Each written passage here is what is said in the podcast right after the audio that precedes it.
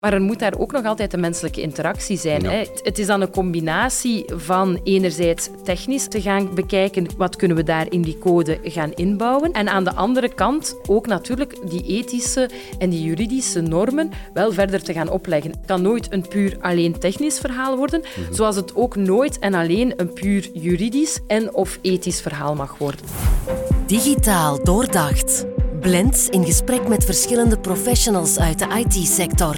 Over innovaties, trends, evoluties en uitdagingen. Met inspirerende takeaways en verrassende standpunten.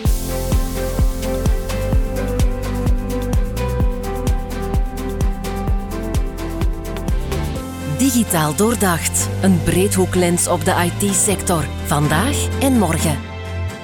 Uw host Dimitri Stuur. De snelle opkomst van kunstmatige intelligentie biedt kansen voor het oplossen van maatschappelijke en economische vraagstukken. Die kansen moeten we niet onbenut laten. Maar AI-toepassingen brengen ook ethische vragen met zich mee. Ethische AI, ja, het bestaat. En het is meteen ook het topic in deze aflevering en daarover ga ik graag in gesprek met Magali Vijs. Uh, zij is founder van het advocatenkantoor A Contrario uit Gent, gespecialiseerd in intellectueel eigendomsrecht en nu komt het ethical data use ik kan niet beter dan bij jou terecht, denk ik. Eh, dag Magali. Hallo, goedemiddag. AI is een hot topic, zeker met de komst van uh, ja, die, die chatbot ChatGPT, ongemeen populair. Maar er hangt ook een donker randje aan vast. Ja, in die zin moeten we angstig zijn voor die AI, voor die hele opmars nu rond AI?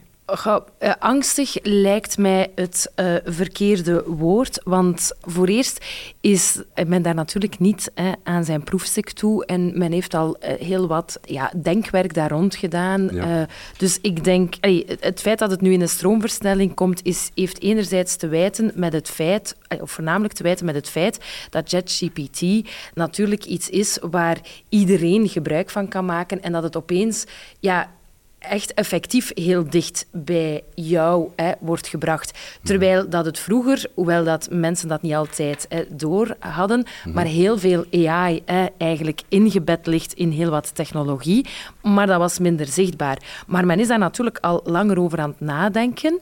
Mijn mening is dat we vandaag nog met AI niet staan dat het de doemscenario's die Hollywood soms eh, op het scherm brengt, mhm. dat we daar al zitten. We, vaak zeggen we eh, bijvoorbeeld als je op een verkeersbord, um, een rood verkeersbord met een witte streep, bijvoorbeeld een aantal bijkomende witte stickers zou plakken, dan erkent eigenlijk een, een, een mhm. AI die dat normaal wel moet herkennen, erkent dat niet meer. Dus soms durven we al eens spreken over artificial stupidity. Mhm. Nu, natuurlijk hè, innoveert dat verder. Maar die angst moet er vandaag niet zijn naar die scenario's als zijnde dat we opeens allemaal robots eh, tegen ons gaan krijgen die het, het, even van ons gaan overnemen. Maar er moet zeker waakzaamheid zijn naar de toepassingen en hoe dat die AI zoals die vandaag bestaat en hoe dat die gaat evolueren, hoe dat we die gaan, gaan toepassen. En ik denk dat we ook waakzaam moeten blijven hoe dat die verder evolueert, dat we natuurlijk niet in een dergelijk scenario terechtkomen waar Hollywood van droomt. Ja, fijn om te horen. Ik ben al gerustgesteld. We moeten dus niet zo'n schrik hebben. Maar hoe dan ook zijn er wel afspraken nodig, zeker mhm. op termijn, rond ethische kwesties, um, waarden en normen. Nu, de vraag is welke aspecten maken iets ethisch? Want dat is natuurlijk niet overal hetzelfde. Nee, zeker niet. En, en laten we daar al mee beginnen. Het is voor ons zeker iets dat ja, uh, historisch, cultureel gebonden is en ook mhm. zeer tijdsgebonden. Hè. Uh, ik denk wat in de middeleeuwen als ethisch als, eh, mogelijk was beschouwd, zal dat vandaag niet meer zijn, of wat vandaag wel als ethisch wordt beschouwd, eh, was in bepaalde tijdperken absoluut not done. Dus dat is een evolutief gegeven en dat is ook zeker een, een cultureel gebonden en geografisch gebonden gegeven. Mhm. Nu, vanuit Europa heeft men daar wat verder willen naar kijken en heeft men gezegd van ja, dat gaat zich, zeker rond AI, gaan die beginselen zich voornamelijk stoelen op het feit dat we respect moeten hebben voor de mensen menselijke autonomie, de menselijke wil, en dat de mens moet blijven centraal staan. Dat we ook moeten nadenken over preventie van schade. Het moet rechtvaardig zijn en ja, het mag de rechtvaardigheid niet in het gedrang brengen. Die systemen moeten ook een bepaalde verantwoording kunnen afleggen, waarbij dat er, of zij die ze maken en gebruiken. Er moet ook transparantie zijn rond de systemen. Er is ook nood aan privacy, want ja, die systemen gebruiken heel veel data.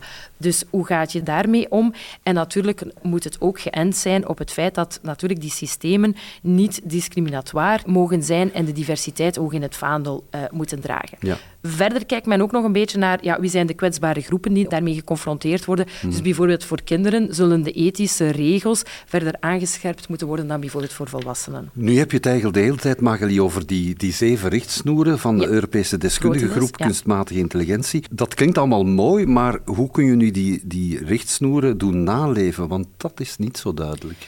Nee, ja, de richtsnoeren op zichzelf hè, zijn ook bijvoorbeeld geen bindend middel. Hè. Dus men heeft eerst, hè, die, die zijn er gekomen op grond van een denktank. Dan heeft men gezegd van kijk, ja, wij willen eigenlijk regelgeving maken rond die uh, richtsnoeren. En daar hebben we nu wel al een tekst op tafel liggen. Dat is de AI Act of de AI Regulation, een verordening die dus AI in Europa wilt gaan regelen. Nu, mhm. we zijn daar nog niet aan het einde, hè, want dat ligt nu voor in het parlement om dat verder gestemd te krijgen. Daar moet ook nog, denk ik, wel wat aan veranderd worden om dat toch wel helemaal ook, om dat niet te uh, rigide uh, te hebben. Wijzigt zich dat niet constant? Is dat niet iets dat ongoing blijft? De ethische invulling zal uh, constant natuurlijk bijgeschaafd worden, zoals de mhm. technische invulling ook. Maar daar maak ik graag een analogie met de GDPR, hè, die befaamde privacywetgeving. Mm -hmm. daar is het ook zo dat daar eigenlijk normen en ethische normen en juridische normen ingebed zitten. En die zijn redelijk vaag. En die worden dan omschreven of verder door richtsnoeren, rechtspraak, maar dus ook heel veel soft law ingevuld. Mhm. En je moet die ook kunnen vertalen in technische en organisatorische maatregelen. Nu, daar is het heel belangrijk dat je dat niet gaat vastleggen in een wetgeving. Dat is mijn persoonlijke opinie, omdat je wetgeving dan zeer snel verouderd is. Of hè, zee, vaak onfair. Want als je bijvoorbeeld een bepaalde technische maatregel gaat gaan opleggen, mm dat kan bijvoorbeeld voor een grote multinational ja, heel gemakkelijk zijn, omdat die daar een budget voor hebben, maar bijvoorbeeld voor een kleine start-up niet, of, of omgekeerd. Mhm. En dus dat wil je zeker niet gaan creëren. Bovendien, dan ben je niet future-proof. Dus je kan wel natuurlijk een, een kader naar voren schuiven. En dat hebben ze willen doen met die richtsnoeren. Dat mhm. is dan een stuk vertaald. Maar dat gaat natuurlijk niet voldoende zijn, want die wetgeving gaat verder moeten uitgelegd worden in de praktijk met, en ik ben een grote fan zelf hè, van Code of Conduct, gedragscodes, mhm. die bijvoorbeeld ook door de sectoren naar voren worden geschoven. Dat klinkt allemaal mooi, ethische normen, waarden, maar hoe zet je dat op in programmeercode. Ja, dat is natuurlijk wel wat moeilijker. Nu, daar heeft men ook al over nagedacht. En daar zijn er dus ook bepaalde richtlijnen waarbij dat men bijvoorbeeld architectuur ontwerpt voor hè, wat we noemen trustworthy AI, waarbij men dan ook zegt van kijk, ja, je moet volgens bepaalde modellen werken die het kunnen gaan uitleggen.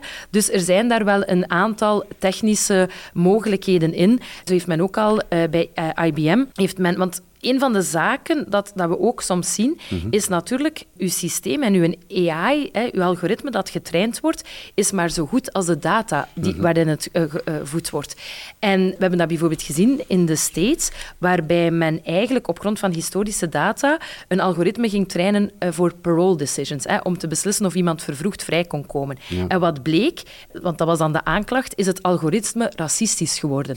Nu, het was natuurlijk niet het algoritme dat racistisch was. Het was de input het was de input, omdat natuurlijk, hè, we weten dat, uh, ja, jammer genoeg, hè, historisch die data, ja, die was zeer uh, discriminatorisch. Dus, en we hebben dus ook systemen die dus die bias effectief kunnen gaan detecteren. En dat ga je er ook moeten gaan inbouwen. En dat is natuurlijk juist ook het, het fantastische aan innovatie en de technologie daar rond. Dat we ook zien dat die zaken effectief wel verbeteren en dat die er worden ingebouwd. Ja, je bedoelt eigenlijk AI-matig dat de bias kan ontdekt worden? Ja, bij een oplossing van een ander AI-systeem? Dat is bijvoorbeeld een mogelijkheid, maar het is ook op bijvoorbeeld hoe dat, zoals mij uitlegde, want ik ben natuurlijk geen developer, maar hoe dat je een AI-systeem, een algoritme ook gaat bouwen, zijn er ook manieren om eigenlijk uh, ja, bias eruit te houden, te zorgen dat het op een of andere manier bepaalde mhm. zaken toch kan gaan uitleggen. En dat zijn wel zaken waarover moet nagedacht worden, maar weer zeer use case specific. Ik denk dat je niet mag gaan naar een te rigide kader dat zegt ah, voor iedereen moet je zeker dat en dat doen. Ja, ja. niet denk, generiek eigenlijk. Nee, nee een soort van risicoanalyse per systeem per data of categorie van data waarmee dat je het algoritme voedt of waarvoor het moet dienen. Ja, dus AI zou een eigen moreel kompas kunnen krijgen. Om die bias eigenlijk een beetje op. Enfin, Wel, het, het, moreel kompas zal natuurlijk nog altijd van, van ons komen en verder moeten uitgewerkt worden. Mhm. Maar het moet er wel zijn rond AI. Dat AI natuurlijk zelf een moreel kompas zou gaan ontwikkelen. Anders dan hetgeen dat wij uh, het, het, hebben aangeleerd. Mhm. Ja, dat is natuurlijk wel x aantal denkpassen verder, want dan kom je in het verhaal in hoeverre zal een algoritme zelf in staat zijn om bepaalde meer gevoelsmatige zaken te gaan bevatten. En dat zien we, denk ik, dat vandaag, als je, als je bepaalde vragen stelt aan dergelijke systemen, zie je wel zelf, allee, merk je dat de antwoorden niet zelf gevoelsmatig zijn hè, mm van, van het algoritme zelf, maar dat ze terugkomen met zeer standaard antwoorden. Dus gelukkig zijn we daar nog niet. Het is toch een hele uitdaging, Magali, om mondiaal gezien te komen tot uniforme waarden en normen. Eigenlijk is het onmogelijk. Hè? Ik denk aan de AI-act in Europa. Zal een andere act in de Verenigde Staten zijn en nog helemaal anders in China. Wel, ja, mogelijk wel. En zeker vandaag de dag. Waarom?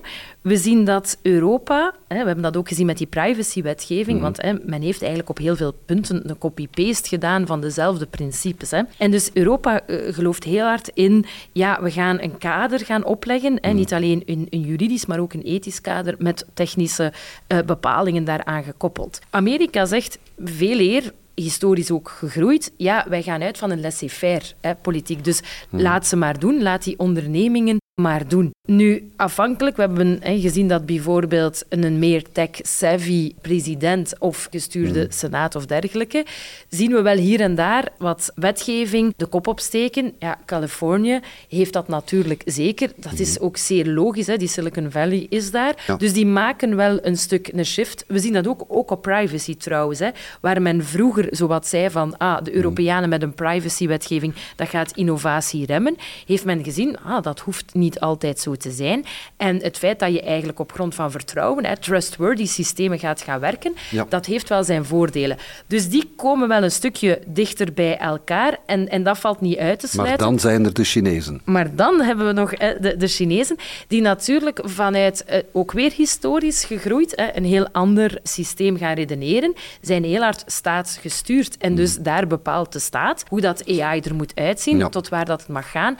En dat staat natuurlijk, denk ik, ja, momenteel lijnrecht tegen een, wat de US voor ogen heeft en zelfs ook natuurlijk wat Europa voor ogen heeft. Mhm. Want ja, zij wil niet vanuit Europa alles gaan sturen.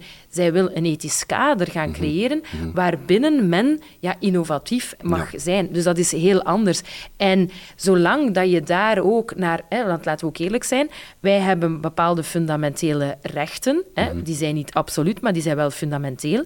In de States zijn het vaker privileges een privilege is makkelijker af te nemen van iemand dan een fundamenteel recht. Ja, en in China heb je natuurlijk andere waarden, als we ook al denken naar de social scoring. En natuurlijk, als je dat allemaal moet proberen samenbrengen, dan ja, dat lappendeken om dan daar te zeggen, mm. ah, dat is een algemene ethische norm, dat we daar kunnen uit extrapoleren, denk niet dat dat een mogelijke is. Ja.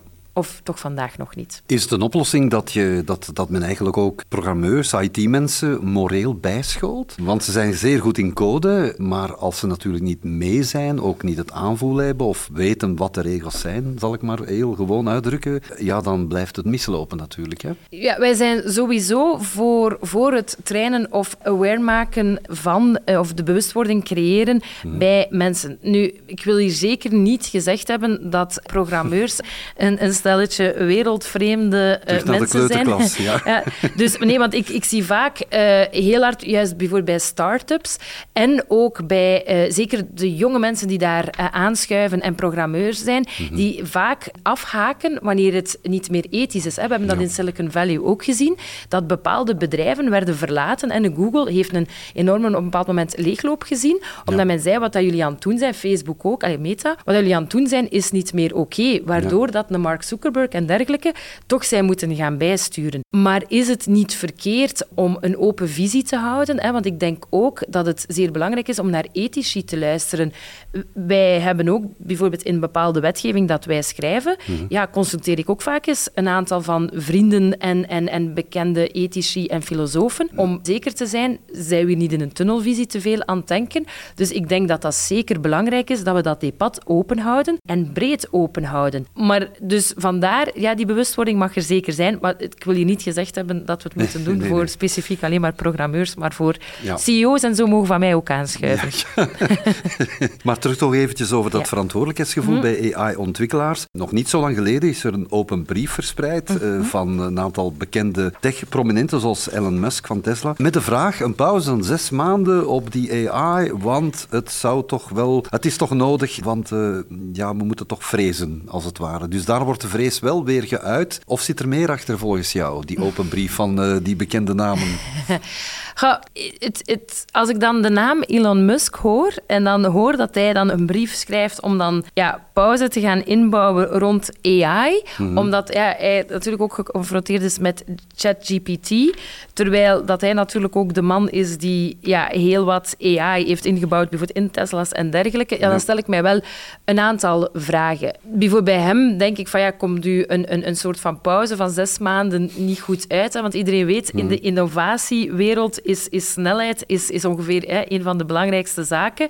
Dus als je natuurlijk de wereld verplicht om even hè, de pauzeknop allemaal in te drukken, kan jij wel bijbenen. Dus bij hem weet ik het niet zo goed. Ik wil dat ook niet per se zeggen dat dat de reden zou zijn. Ik weet ook wel dat daar andere mensen in zitten die daar zeker niet vanuit commerciële redenen, maar uit beweegreden, eh, andere beweegreden hebben. Ik denk dat, het, dat we daar voornamelijk moeten uit meenemen dat the time for action is now. En dat de tijd ook voor vast, te veel vast te zitten in denktanken of praatbarakken. Allee, een denktank is zeer goed, maar het mag geen praatbarak worden van mm. we gaan een keer iets gaan doen. En ik denk dat de, als die alarmbel geluid wordt, dat dat goed is om te zeggen, we moeten echt wel verder met die wetgeving, we moeten dat ook kritisch verder durven bekijken en we gaan effectief die normen moeten gaan zetten. We gaan, eh, moeten ook nadenken over bijvoorbeeld aansprakelijkheidsregimes rond die AI. En het is, het, we zitten niet meer twee jaar geleden, waar dat we nog de luxe hadden om te zeggen van ah, dat is een, een mhm. goede denkoefening. Nu moeten we uh, gaan handelen. Maar of dat het dan Elon Musk, dat we die enkel maar dergelijke non-opportunistische ja. uh, doeleinden kunnen toedichten, daar ben ik niet altijd mee. Misschien zoekt hij nog een goede advocaat of zo. Maar je mag altijd aan onze deur komen kloppen. Wij kunnen hem, wij kunnen hem voor het een en ander leren over de ethische waarden in ons netwerk. Ja. Nu, stel, laten we er even van uitgaan, Magali, een perfect AI-systeem met de juiste normen, ethische waarden, et cetera. Toch is er natuurlijk ook een ander belangrijk aspect. Je weet het niet ik bedoel, het, het, opereert in een black box en men kan nog vertellen van dit is, dit is volgens de normen en de waarden die wij kennen, betrouwbaar de AI, ik laat in het midden wat voor soort toepassing. Maar je ziet het niet, hè? het is een mm. black box. Ja, niet elk algoritme is natuurlijk opgebouwd eh, volgens uh, de black box. Dus, maar natuurlijk, als je dergelijke algoritmes hebt, is het moeilijker. En, maar men is daar echt aan, aan het kijken naar, voor ook dat soort algoritmes, toch bepaalde minimummodellen te hebben waarbij een bepaalde uitleg kan gegeven worden. Mhm. En de vraag is ook van ja, één, bijvoorbeeld de GDPR zegt ook van ja, kijk, je kan dat perfect hebben, een dergelijk algoritme, maar er moet daar ook nog altijd een menselijke interactie zijn. Hè. Je kent mogelijk de, de, de sketch hè, van uh, Great, uh, Little Britain, hè, waar is het computer says no. Oké, okay, if computer says no, ja, uh, moet er ook nog, moet dat gevalideerd worden mhm. door een, een mens die dan zegt van ah, inderdaad, hè, wij zien dat hè, om, die, om die reden wordt bijvoorbeeld uw dossier niet verder behandeld. Of ook medisch gezien, hè, waar dat in de medische sector vaak met algoritmes wordt gewerkt, mhm. moet altijd een arts naast zitten om een dergelijke beslissing verder te valideren. Mhm. Dus het, het is dan een combinatie van enerzijds technisch hè, te gaan bekijken wat kunnen we daar in die code gaan inbouwen. En aan de andere kant ook natuurlijk die ethische en die juridische normen wel verder te gaan opleggen. Het kan nooit een puur alleen technisch verhaal worden, mhm. zoals het ook nooit en alleen een puur juridisch en of ethisch verhaal mag worden. Maar het zal altijd nog wel een tijdje zeker trial and error blijven, toch? Ja, uh, en dat is denk ik ook niet helemaal verkeerd, want je gaat dat, mijn zinzins, blijvend hebben, omdat we mhm. dat al gezegd hebben, de maatschappij verandert ook. Mhm. We gaan daarin mee. We leren ook nieuwe technologieën kennen. Mhm. En bijvoorbeeld met synthetische data, en dat is ook een, een, manier om bijvoorbeeld privacy te bewaren, want je gaat eigenlijk van echte data ja, een soort van set namaakdata maken. Wel, we zagen dat daar heel lang heel veel bias in zat, omdat men dat niet goed kon onderscheiden. Vandaag is de technologie op twee jaar, drie jaar tijd door een heel aantal start-ups ongelooflijk veranderd. En zien we dat we effectief dat er volledig kunnen uithalen en dat de technologie om synthetische data te maken, AI, ja, zoveel keer beter en hoger ligt. Mhm. En ik, het is vandaar dat we natuurlijk gaan moeten blijven kijken naar die interactie en die vertaalslag tussen het ethische, het juridische en dat technische, organisatorische. En dat we dat blijven moeten kritisch evalueren evalueren, maar ook mee durven evolueren. Mhm. Heel interessant en ik ben ook blij en opgelucht eigenlijk dat dit geen AI-gestuurd gesprek was, maar van mens tot mens. dat is nog altijd zeer graag gedaan. Dankjewel, Magali. Dit was Digitaal Doordacht, een podcast van Blends voor innoverende ondernemers. Meer info over onze integrale oplossingen vind je op blends.be. Blends. You innovate, we integrate.